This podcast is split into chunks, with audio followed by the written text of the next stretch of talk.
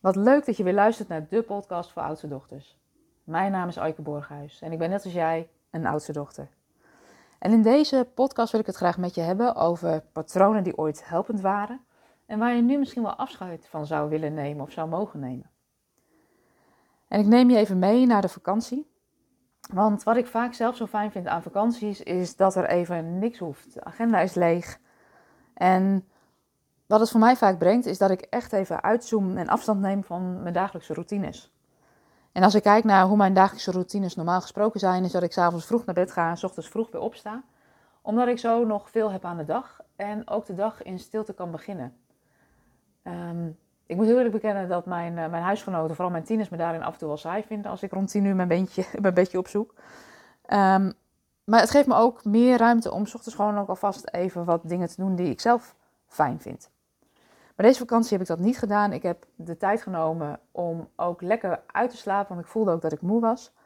En op dat soort momenten kan ik ook echt genieten van een kop koffie in bed met een lekker boek of met een schrijfboek, zodat ik lekker wat van me af kan schrijven.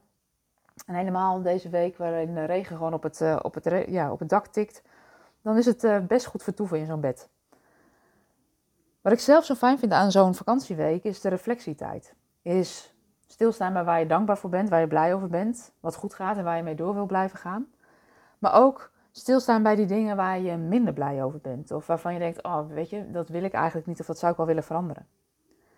En wat me deze vakantie uh, gebeurde is dat ik dingen die me een tijd geleden nog heel blij maakten of veel plezier gaven, me nu eigenlijk wat minder plezier opleverde.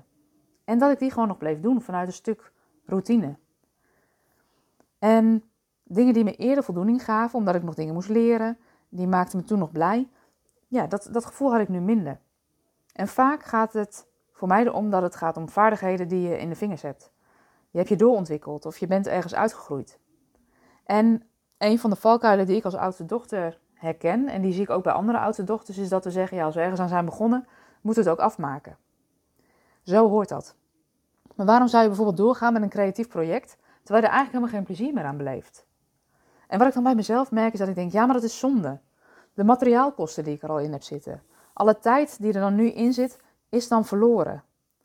Maar hoe verloren is die tijd en energie nou eigenlijk als je iets afmaakt waarmee je um, eigenlijk ja, daar niet, niet zo zin meer in hebt en het eindresultaat je niet echt blij maakt? En dat noemen ze in bedrijfskundige taal ook wel uh, verzonken kosten. Het zijn kosten of investeringen die je al gemaakt hebt en die niet meer ongedaan gemaakt kunnen worden. En we zijn soms geneigd om keuzes te maken op basis van de investering die we al gedaan hebben. Maar klopt dat eigenlijk wel? Een ander voorbeeld is bijvoorbeeld dat je een toegangsticket hebt geko gekocht voor een uh, evenement en besluit op het laatste moment om toch niet te gaan. En het lukt je niet om dat kaartje te verkopen. Je hebt dus kosten gemaakt. En als ik kijk naar mezelf, dan kan ik geneigd zijn om te denken: ik heb een kaartje al betaald, dus als ik niet ga, is het zonde. Maar de vraag is of dat eigenlijk klopt als je eigenlijk de behoefte hebt aan een avond thuis op de bank onder een dekentje. Mij leverde dat weer een aantal nieuwe inzichten op om op deze manier te kijken naar de keuzes die ik maak. En zo heb ik een aantal hobbyspullen uh, weggegeven of naar de kringloop gebracht met het idee dat een ander daar nu plezier van kan hebben, in plaats van dat ik me iedere keer aan ligt te kijken van oh daar moet ik ook nog iets mee. Het gaf mij meteen ruimte en de tijd om een nieuwe cursus op te pakken die al een tijdje aan me trok. En ik ben wel heel benieuwd hoe dat voor jou is. Van wat zijn de dingen die als een soort patroon of een soort routine zijn ingesloten, die je eigenlijk niet meer zou dienen. Die je eigenlijk doet vanuit ja, een soort ja, routine. En, en ja, eigenlijk de uitnodiging aan jou is om te kijken, hey, als je kijkt naar de dingen die je doet, um, wat zijn de dingen die je eigenlijk geen energie meer opleveren, die je eigenlijk wel zou willen stoppen?